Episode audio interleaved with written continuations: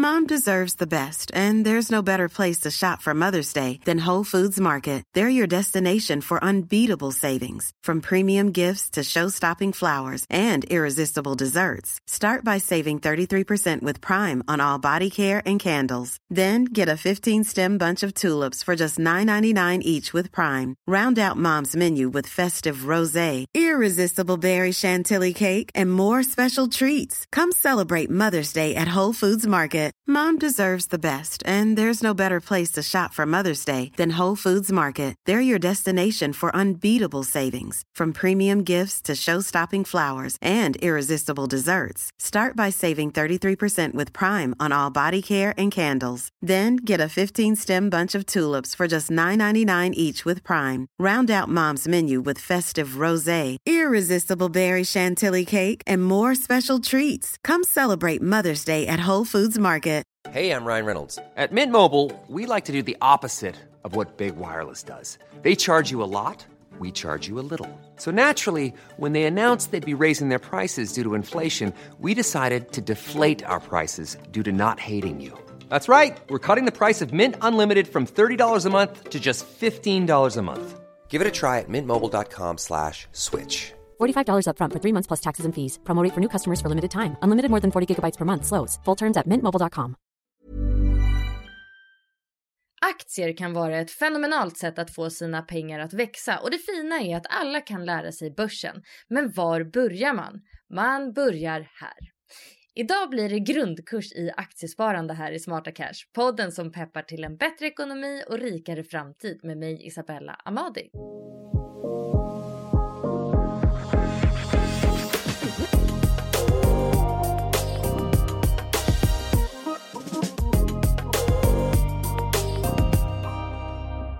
Innehållet idag är som ett intro till att investera i aktier. Vi går igenom the basics och det allra viktigaste.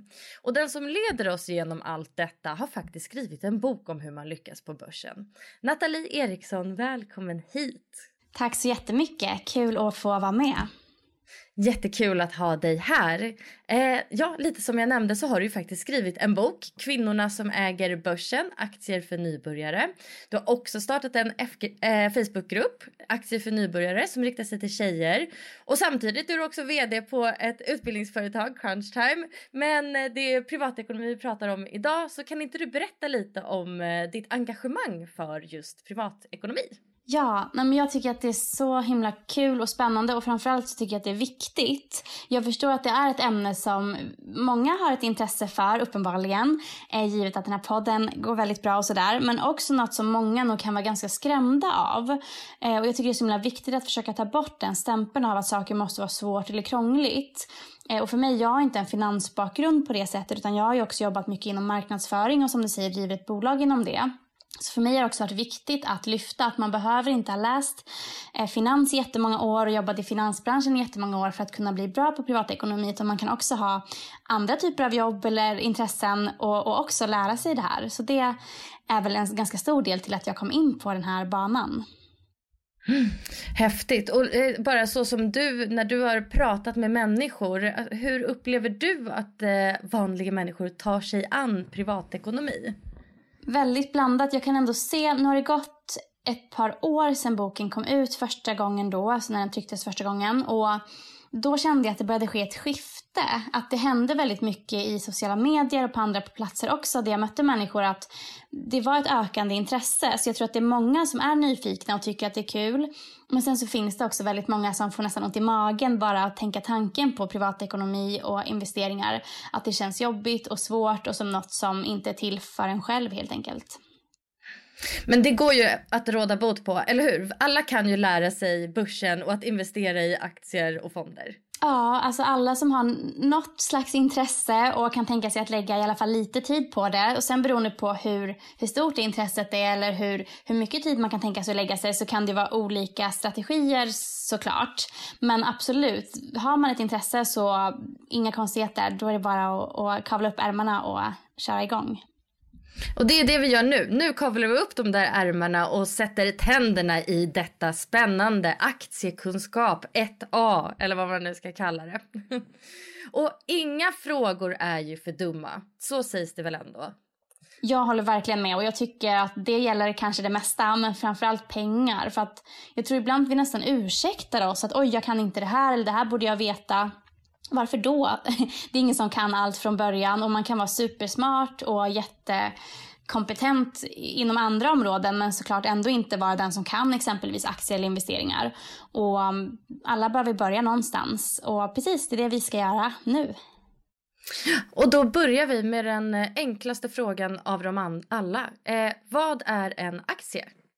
En aktie är en del av ett företag och aktier finns ju då i, man kan ju ha ett aktiebolag som inte är på börsen, att man kanske exempelvis har jag ett aktiebolag som bara jag är ägare av. Men sen så finns det också eh, börsnoterade eh, aktiebolag som då gör att, man kan säga då att en, en börs är som en handelsplats, som en marknad nästan då, marknadsplats där olika personer och företag kan köpa och handla då delar av de här företagen som finns där. Så när man köper aktier så blir man ju eh, en ägare helt enkelt av, den här, av det här företaget. Och är det ett stort företag med många aktier så blir man en ganska liten ägare men ändå en, en ägare. Mm. Och varför ska man spara i aktier? Att handla och investera i aktier är ju ett sätt att få chans till att pengarna växer. Har vi pengarna på sparkontot så kommer de ju inte växa särskilt mycket även om det finns ju vissa sparkonton där man också får eh, ränta på pengarna. Men det är ett sätt att investera och att har man både skicklighet och tur ska jag säga och investera i företag som, som ökar i värde över tid, då kan vi helt enkelt sälja de här aktierna eh, för mer pengar än vad vi köpte dem för. Eh, och det finns ju också vissa bolag som delar ut aktier, eller förlåt, eh, utdelningsaktier, där man också får pengar, exempelvis en gång per år om man är ägare. Så det är ett sätt att kunna tjäna mer pengar helt enkelt än om man hade haft pengarna på sparkontot. Mm. Men börsen svänger ju så pengarna kan ju också förlora i värde. Alltså, kan du berätta lite mer om riskerna? Ja, ja, men det är precis det som du säger. Om vi investerar oavsett om det är 200 kronor eller 2000 kronor eller jättemycket pengar så, så kan det ju vara så att värdet på aktien går upp eller så går det ner. Och det här är ju inte statiskt. Det kan ju gå upp idag och sen gå ner imorgon och tvärtom. Och det här sker ju hela tiden. Ibland så går det upp lite grann eller ner lite grann. Det är bara en del av att, att investera på börsen. Så kommer det alltid se ut. Och sen i vissa fall så sker det väldigt stora förändringar där man då om man har otur kan förlora mycket pengar eh, eller så kan man ju också då tjäna väldigt mycket pengar. Så det här får man ju vara medveten om att det finns ju en risk och så är det helt enkelt. Det, det är inte riskfritt men om man är skicklig och inte väljer bara en enda aktie utan också sprider ut och köper flera aktier. Man kanske har 10 eller 12 eller 15 olika företag eh, och sen så så har man också lite is i magen för att det kommer alltid finnas perioder där börsen går ner och där ens egna aktier förlorar i värde. Men om man sedan är lite långsiktig och har fler aktier så finns det en stor möjlighet att de också ger mycket pengar tillbaka sen. Just det, och där var du inne på lite antal, 10, 12 eller 15 aktier. Hur ska man mer tänka när man väljer de aktierna? Eh, hur många branscher kan vara bra att sprida dem över? Det finns lite olika skolor där. Eh, det finns ju en del som resonerar som att vi vill inte ha för många för då Eh, utan man tycker att det är bättre att ha lite mer koncentrerat. Eh, sen finns det ju vissa som har hur många liksom, bolag som helst i sin portfölj som man brukar säga. Jag skulle säga 10, 12, 15 är kanske lite mer standard än att ha 30 stycken. Men det är klart att det finns folk med olika strategier. Eh, och precis som du säger så kan det också vara smart att inte ha, för det här klassiska uttrycket när man säger lägg inte alla ägg i samma korg. Det handlar ju om att ibland så kan det vara enskilda företag som går jättebra eller mindre bra. Och ibland så är det ju hela branscher. Att exempelvis i pandemin så har ju flygbranschen varit jättetuff. Eh, och då kanske det inte hade varit jättekul att gå in i pandemin och ha 15 stycken flygbolagsaktier. För de lär ju allihopa ha, nu har jag inte jättekoll på hur branschen har gått på senare tid, men förmodligen, de har ju haft det väldigt, väldigt tufft. Så det har väl inte gått jättebra för dem. Eh, sen så kan det såklart finnas litet överlapp, men att i alla fall inte tänka att alla mina aktier, eller aktiebolag snarare, ska vara i samma bransch. För då har man inte så stor riskspridning utifrån att de befinner sig i samma sektor. Just det.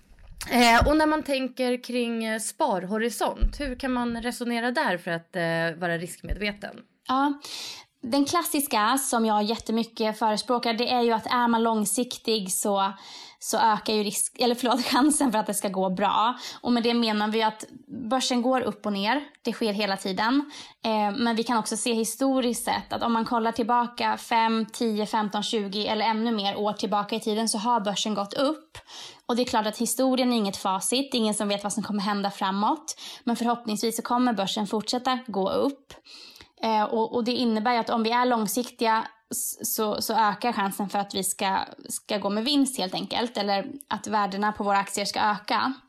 Eh, sen så, så kan man ha olika strategier. En del har en sån, det kallas ju portfölj då, när man skapar sin lilla korg med olika aktier i.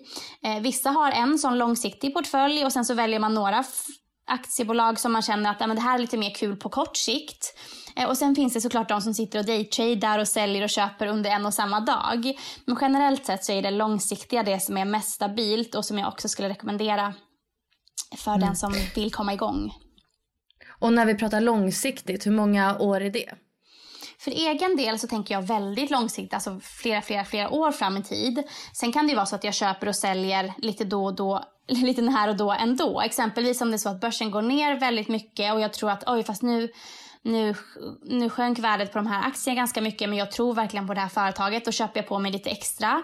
Och, och ibland så ser jag att oj, nu gick den här upp eh, och ligger väldigt högt värderat. Då kanske jag säljer av. Så det är klart att man kan sälja och köpa långsiktigt eller kort, på kortare sikt ändå. Men, men hela min portfölj, alltså min aktieportfölj, den tänker jag att jag nog ska ha i ja, men, hur många år som helst nästan. Eh, men det kan ju hända saker i omvärlden som gör att man behöver agera på det.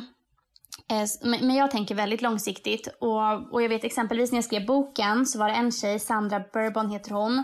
Hon berättar att hon brukar köpa eh, och sälja bolag. Sen så låter hon det gå ett år och sen så utvärderar hon dem igen och sen så ser hon om hon vill köpa eller sälja. Sen kanske hon gör mindre köp eller sälj under det här året också. Men att hon i alla fall en gång per år ser över hela portföljen och funderar på ska den uppdateras eller vill jag fortsätta äga de här aktierna ett år till.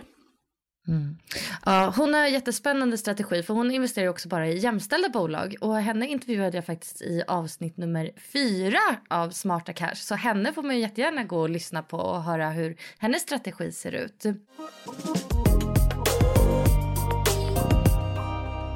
Men du då Nathalie, alltså hur lyckas man på börsen? Jag skulle säga så här, ett Bestäm dig för din horisont. Det är väldigt smart att vara långsiktig. Man behöver inte vara det, men att man ändå ska vara medveten om vad man har valt för horisont. För det är så himla lätt, exempelvis i våras när pandemin... Nej, nu ska vi se, gud det har redan gått. Ja, våren när pandemin slog till, då så var det ju himla gungigt på börsen och det var, det var inte roliga siffror. Det var mycket aktier som störtdök i, i värde, många aktiebolag. Och, och då är det väldigt bra att ha bestämt sig för att ska jag behålla den här aktien på sikt eller ska jag sälja? För det är väldigt, väldigt lätt att falla dit i den här börspsykologin. Att man tänker att nej men jag tror på det här företaget och jag ska absolut äga det länge. Men sen så fort det blir lite nervöst och jobbigt så säljer man av. Och det är så man förlorar pengar. Att man köper när det går bra och så säljer man när det går dåligt. Man ska ju då ha is i magen. Så bestämma sig för en horisont. Om man känner att man är lite nervös, man kanske inte har så stor buffert sen innan. Man kanske har, vad det nu kan vara, man kanske verkligen behöver pengarna. Ja, då ska man kanske inte investera just de buffertpengarna i aktier. För då är ju risken att det blir lite skakigt på börsen värdet sjunker i vissa bolag och man blir jättenervös. Ehm, så då är det mycket bättre att investera pengar som man känner sig trygg med, så man slipper sälja av i panik. Sen skulle jag säga att sprida risken, att man har inte alla företag från samma bransch eller sektor. Eh, och sen så skulle jag också tänka på att eh, ja, men följa med i de företag som man, som man investerar i. Vissa kanske lägger jättemycket tid, andra lägger lite mindre. Men att ändå ha lite tid att följa de företag som man har investerat i. Och om man känner att jag vill verkligen investera men jag har ingen tid överhuvudtaget. Då kanske man ska fundera på fonder, för det är också någonting man kan investera i. Men som inte riktigt kräver samma typ av ja, engagemang skulle jag säga. Mm. Coolt. Eh, man brukar ju prata om värdeaktier och tillväxtaktier. Eh, vad innebär de begreppen? Ja, eh, värdeaktier kan man säga, då får man eh, väldigt mycket värde för pengarna. Det behöver inte vara så, men ofta så är ju värdeaktier eh, stora stabila företag som har funnits ett tag och där det finns liksom ett reellt värde i bolagen. Eh, I Sverige har vi jättemycket gamla industriföretag och sådär och då, då vet man helt enkelt att det här är väldigt mycket värde i det här företaget. Um, om man jämför det då med tillväxtaktier som är ett företag som växer väldigt snabbt just nu eh, och inte då bara för att just den branschen går väldigt bra utan för att just det företaget växer snabbare än andra företag på börsen. Eh, många kanske tycker att de här gamla stabila företagen är lite tråkigare. Eh, och, och, en del tycker kanske att det känns spännande med de här jättesnabbväxande företagen. Det skulle kunna vara något techbolag eller någonting annat för den delen det är ju en risk såklart med företag där det händer väldigt mycket väldigt snabbt. Det kan gå väldigt, väldigt bra eller så gör det inte det.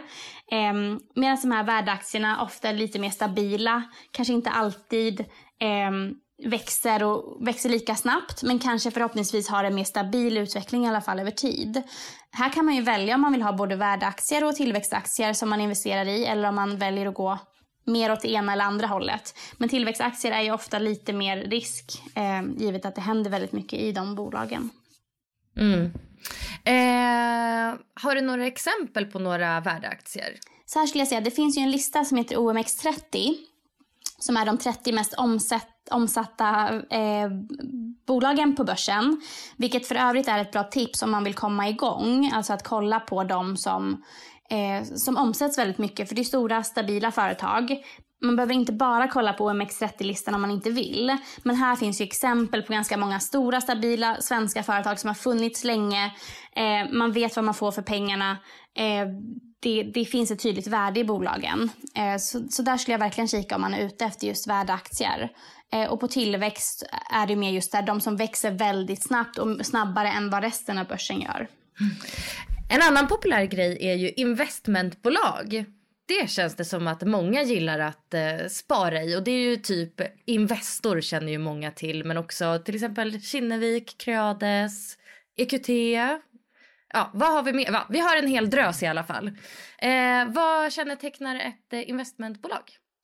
Ja, men mycket. Och jag skulle säga att just investmentbolag är något som också många brukar tycka väldigt mycket om när man ska börja investera precis. Eh, dels för att när vi pratar om att sprida risk så handlar det om att inte bara köpa en typ av företag och så vidare.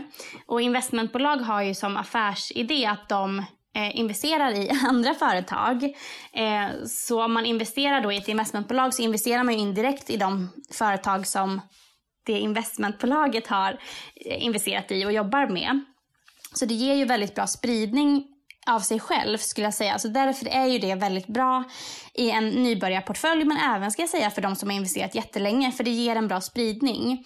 Det är ju också ofta väldigt, väldigt kunniga, duktiga personer som jobbar i de här investmentbolagen. Eh, det, så jag tycker själv jättemycket om, om investmentbolag och jag vet att många tycker om att investera till en början i den typen av företag. Mm. Finns det några risker som eh, särskiljer dem? Ehm, dels är ju alla eh, investmentbolag olika och det är klart det kan finnas olika typer av branscher som olika investmentbolag jobbar med. Eh, annars skulle jag också försöka tänka på att eh, kanske ibland att man bara tänker att ah, men nu äger jag det här investmentbolaget men glömmer bort okay, men vilka, vilka företag är det indirekt som finns i det investmentbolaget. Är det exempelvis väldigt mycket techbolag, ja då har man ju en ganska stor, som man brukar säga, exponering mot just techbolag genom det här investmentbolaget. Eh, så att man inte glömmer det när man sen kollar på sin riskspridning och tänker liksom, ja men då har jag exempelvis eh, vad det nu kan vara. Låt säga att vi har ICA och sen kanske något annat techbolag och eh, något träningsbolag eller något matbolag och sen investmentbolaget. Utan det innehåller också företag i sig. Så att dels komma ihåg det och tänka på det när man tänker på sin riskspridning. Eh, men också att man inte sen köper för mycket dubbelt. För låt säga att jag har ett investmentbolag som har, eh, säger vi, ja, ett visst typ av företag i sin portfölj. Då vill kanske inte jag också köpa jättemycket av det företaget som enskild aktie för det blir liksom lite dubbelt där. Så att man håller verkligen koll på de här innehaven som investmentbolagen har. Mm. Eh, finns det några aktier skulle du säga som eh, alltså, kan anses vara lite säkrare att spara i? Investmentbolag är ju ett sånt exempel att de ofta är just för riskspridningens skull. Sen så är det ju de här, som jag pratade om, OMX30, de här mest omsatta på börsen. Och det handlar ju om att om vi bara köper småföretag så kan det vara så att det kan vara väldigt hög risk i flera av dem. Men också om vi köper riktigt små bolag så kanske det är så att när vi väl vill sälja våra aktier kanske inte det finns jättemånga som faktiskt vill köpa dem för att det inte finns samma rullians av köp och sälj i små bolag jämfört med de här väldigt stora. Så det är klart, större företag eh, och investmentbolag brukar man ju se som lite mer säkra. Sen så får man ju också fundera på, eh, exempelvis när jag pratar om tillväxtbolag, att det kan vara en risk. En risk är ju också en risk. Det kan bli bra och det kan eh, slå tillbaka. Så det får man ju fundera på vilken typ av eh, riskspridning man vill, eller risknivå man vill lägga sig på. Mm. Eh, ja, verkligen. Eh, men vissa aktier ger ju utdelning. Vad innebär det egentligen? Ja, utdelningsaktier eh, det är någonting man vet då i förväg när man investerar för det kan man då läsa på, på om, om respektive aktie. Eh, det finns ju allt ifrån jättemycket olika sajter till där man kan läsa om olika specifika aktier eller om man går in och läser i sin, exempelvis så har jag Nordnet, man kan ju ha Nordnet eller Avanza eller Aktieinvest eller vad man nu har för det finns ju jättemycket appar för att investera eh, och där kan man också läsa på om företagen. Eh, och då handlar det helt enkelt om att de här Eh, vissa företag då eh, ger en, en aktieutdelning till sina aktieägare, alltså alla som har aktier. Eh, det här kan man göra olika ofta. Exempelvis finns det många företag som gör det en gång per år. Eh, och då får man x antal kronor för varje aktie som man äger. Den typen av summor som det rör sig om, det kan variera men det är ofta inte så himla stora summor. Ibland kan det vara liksom, det är några kronor ofta som det rör sig om. Så om man inte har jättemycket pengar på börsen, kanske inte det till en början ger jättemycket pengar rent tillbaka. Men det är ändå en liten peng som man tjänar då på att investera i de här eh, utdelningsbolagen. Och sen såklart, ju mer pengar man har på börsen, ju mer pengar kan man ju då få i utdelning. Sen finns det ju de som faktiskt lever på, på bara utdelningsaktier. Då behöver man ha ganska mycket pengar investerat. Men det finns ju det som strategi också, att man helt enkelt har så mycket utdelningsbolag att man förhoppningsvis då fortsätter få utdelning och helt enkelt kan leva på, den, på det som inkomst. Men det är väl inte alla som har lyckats med det såklart. Men om man har mer pengar så kan man göra så. Ja, inte än. Inte än, exakt. Det kommer sen. Ja. Men eh, vad säger det egentligen om ett bolag att man eh, ger utdelning? Eh, det är ju en väldigt fint incitament för, för investerare såklart att, att, att företag klarar av att ge utdelning, att man klarar av att göra det över tid. För det finns ju företag som har gjort det vissa år men inte alltid. Men om man kollar på ett företag och ser att ja, men det här företaget har givit eh, utdelning tillbaka i tid historiskt sett, då indikerar ju det att det här är ett stabilt företag, de vet vad de håller på med, de har ordning på sina finanser eh, och det är en liten så extra, kanske spark i rumpan eller ett incitament för investerare att välja just det här bolaget om man tycker att det i övrigt känns intressant att investera i. Eh, så man behöver ju inte välja utdelningsbolag men det är ju lite kul varje gång det plingar till och man har fått en, en utdelning. Ja, det är nice. Det är, det är en härlig känsla att bara få pengar sådär. Det är en jättehärlig känsla och då så kan man välja nu ska vi se, då kan man välja om man vill då ha kvar dem i sin portfölj så att de ligger kvar och också eh, är investerade då. Eh, eller om man vill plocka ut dem och spendera dem på något annat. Eh, Nathalie, jag pumpar dig på information. Kör på. så, hur hittar hittar man intressanta aktier? Ja men gud vilken bra fråga. Um, personligen så, jag tror att när jag började då satt jag mycket och bara läste på om olika företag. Nu vet jag att jag nämner det igen, men OMX30-listan, att jag mest, för jag ville lägga en grund som var stabila, stora företag. För jag kände att det är ändå en bra grund att börja där. Så då började jag kolla runt på den listan och funderade på vilka bolag jag tyckte var intressanta och, och läste på helt enkelt. Sen så satt jag och kollade på, på någon lista med investmentbolag, för jag visste att jag ville ha investmentbolag. Och då läste jag på om dem. Går man in på ett investmentbolags hemsida så kan man ju se vilken typ av innehav de har, alltså vilka företag de har investerat i. Så där började jag. Sen finns ju jämförelsetjänster och eh, som sagt inne i de här apparna som man kan ladda ner, allt ifrån Avanza och Nordnet och allt vad det är, eh, så kan man ju också läsa på om företagen. Så det finns ju massa sätt. Sen finns det massa sajter såklart och nyhetskällor. Jag tycker personligen att Omni Ekonomi är väldigt bra och intressanta. Eh, men jag började helt enkelt att kolla på de här stora stabila företagen och valde ut ett gäng som jag kände att ah, men de här tror jag på och de tycker jag är intressanta. Sen så funderade jag jättemycket på vad tycker jag är kul. Alltså vad, nu vill jag krydda portföljen med mer spännande företag. Och jag tycker techsektorn är jättekul. Eh, det här var ju några år sedan, men då vet jag att jag kände att ja, men exempelvis Facebook är ett bolag som jag har väldigt bra koll på. Eh, och liksom Instagram och så som de jobbar med och äger också. Så då tänkte jag att ja, men Facebook vill jag också ha för att mer krydda den här svenska stabila eh, företagsportföljen. Och jag tycker jättemycket om Nike som företag så då investerade jag i Nike också. Så, så jag la en grund av investmentbolag och stora stabila svenska företag. Och sen så utgick jag jättemycket ifrån intresse och läste på om olika företag för att se. Eh, sen finns det ju exempelvis, eh, Nordnet har ju en app som heter Shareville. Eh, där man kan följa andra personer och se hur de har investerat. Där får man ju passa sig lite såklart. Man ska inte bara kolla på vad andra gör. Men ibland om man är helt ny och känner att jag vet inte ens vart jag ska börja så kan ju det vara en bra källa för inspiration om inte annat. Ja, eh, det där är ju väldigt intressant. Eh, för vi har ju också sociala medier där man kan få mycket inspiration och det är många som skriver om hur de investerar och hit och dit. Alltså hur tycker du att man ska förhålla sig till allt som skrivs om aktier online? Kritisk skulle jag säga inspiration är jättebra och om man exempelvis är inne på den här appen som jag nämnde, det finns ju andra sajter också förstås, att kunna inspireras av hur har andra tänkt och okej okay, den här sektorn hade inte jag reflekterat över men den är intressant. Men när det gäller specifika företag att det är jättekul att inspireras men det finns ju tyvärr de som är ute efter att ja, agera i, i egen vinnings skull och kanske inte vad som är bäst för andra. Så att verkligen Ja, men läsa på och framförallt klassiken. Om någon ger ett bra tips på internet så är det förmodligen inte ett bra tips. Eh, om någon får det att låta som att här kan man tjäna mycket pengar snabbt i något litet okänt företag, då är det också förmodligen för bra för att vara sant. För att annars har man den typen av tips eller analyser man har gjort så vet jag inte varför man skulle dela det på internet på det sättet. Utan det är ju tyvärr ofta då man ska hålla sig borta. Eh, så som sagt, min strategi, st stora stabila och sen krydda det med företag som jag tycker är kul och spännande.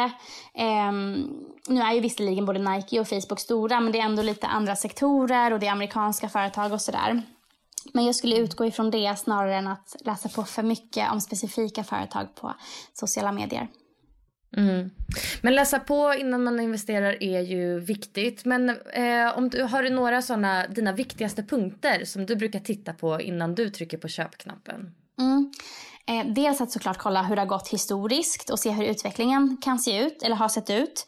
Eh, det här kan man också kolla i de här apparna då som finns. Eh, ser det ut som att den har stigit väldigt mycket i värde på kort tid kan man försöka se vad, liksom härleda vad det beror på. Har det skett någonting i företaget eller i omvärlden?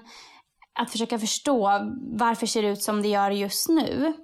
Eller så är det tvärtom. Det kanske är så att man tror jättemycket på ett företag men oj, det var inte alls så högt värderat. Vad beror det på? Och att bara läsa på om företaget kommer man ju väldigt långt på. Och sen att verkligen känna att man förstår vad det är de gör. Sen ska jag säga att vissa företag kan ju ha en hög värdering även om det kanske inte ännu finns en, en vinst som eh, svarar upp på det. Eh, och ibland så kan också eh, värdet på en aktie sjunka och se negativt ut fast att det har skett någon slags överreaktion. Att folk kanske är rädda av någon anledning men man, man tänker själv att ah, men det här kommer ju återhämta sig. Eh, men kolla på vad gör företaget? Vilka är det som driver företaget? Känns de trovärdiga? Hur har utvecklingen sett ut historiskt? Tror jag på att det här företaget kommer kunna fortsätta gå bra över tid? Eller känns det som att det här är någonting som nog har pikat redan nu? Eh, och sen fundera på hur väl kompletterar det här de här andra företagen som jag redan har i min portfölj? Eh, och sen försöka förstå liksom, vilken värld opererar det här företaget i. Alltså, vad har de för konkurrenter? Vad är det som händer i omvärlden som påverkar dem? Ehm, så att man har koll på, exempelvis om vi tar Facebook som exempel. Jag, jag, tror på dem som bolag men de är ju verkligen i blåsväder nu. Så nu har ju aktien dippat lite grann på senare tid. Uh, och då får man ju fundera på, okej, okay, tror jag inte på det här företaget längre? Eller gör jag det ändå på lång sikt, vilket jag ändå gör. Eh, så, så det är ett sätt att tänka. Sen kan man också göra mer eh, det som kallas för teknisk analys.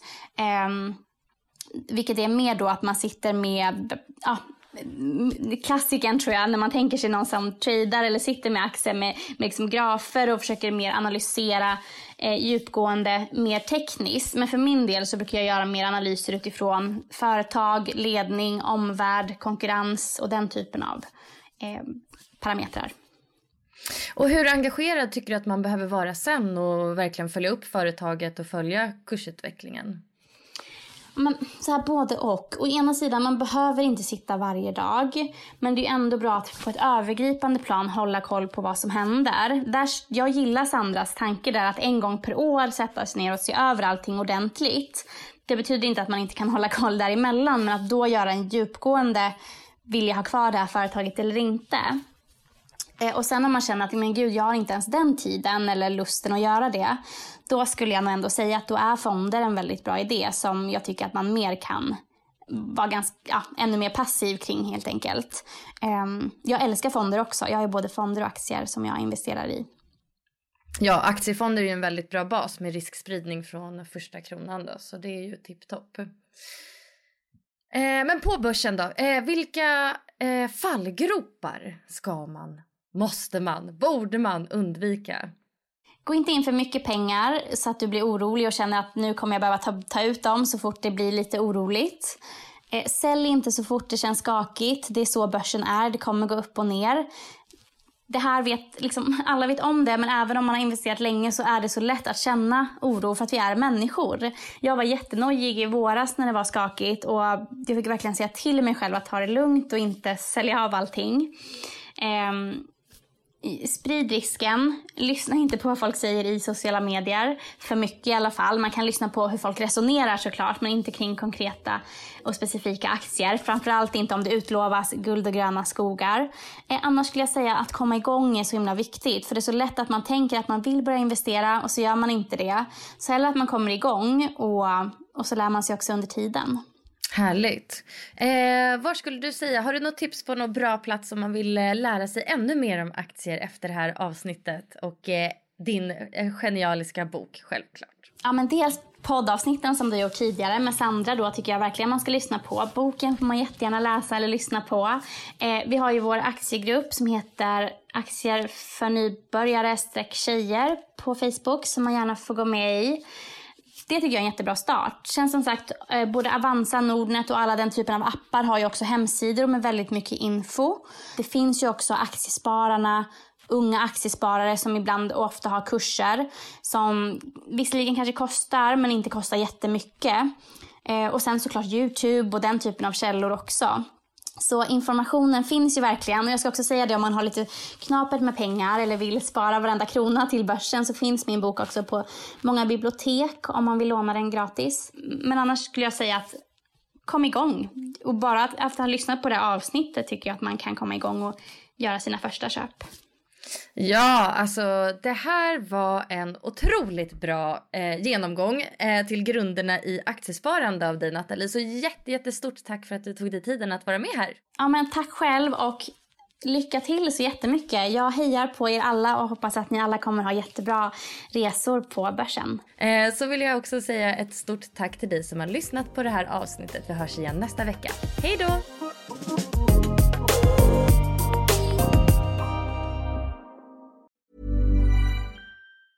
A lot can happen in the next three years. Like a chatbot may be your new best friend. But what won't change? Needing health insurance. United Healthcare Tri Term Medical Plans are available for these changing times. Underwritten by Golden Rule Insurance Company, they offer budget friendly, flexible coverage for people who are in between jobs or missed open enrollment. The plans last nearly three years in some states, with access to a nationwide network of doctors and hospitals. So, for whatever tomorrow brings, United Healthcare Tri Term Medical Plans may be for you. Learn more at uh1.com.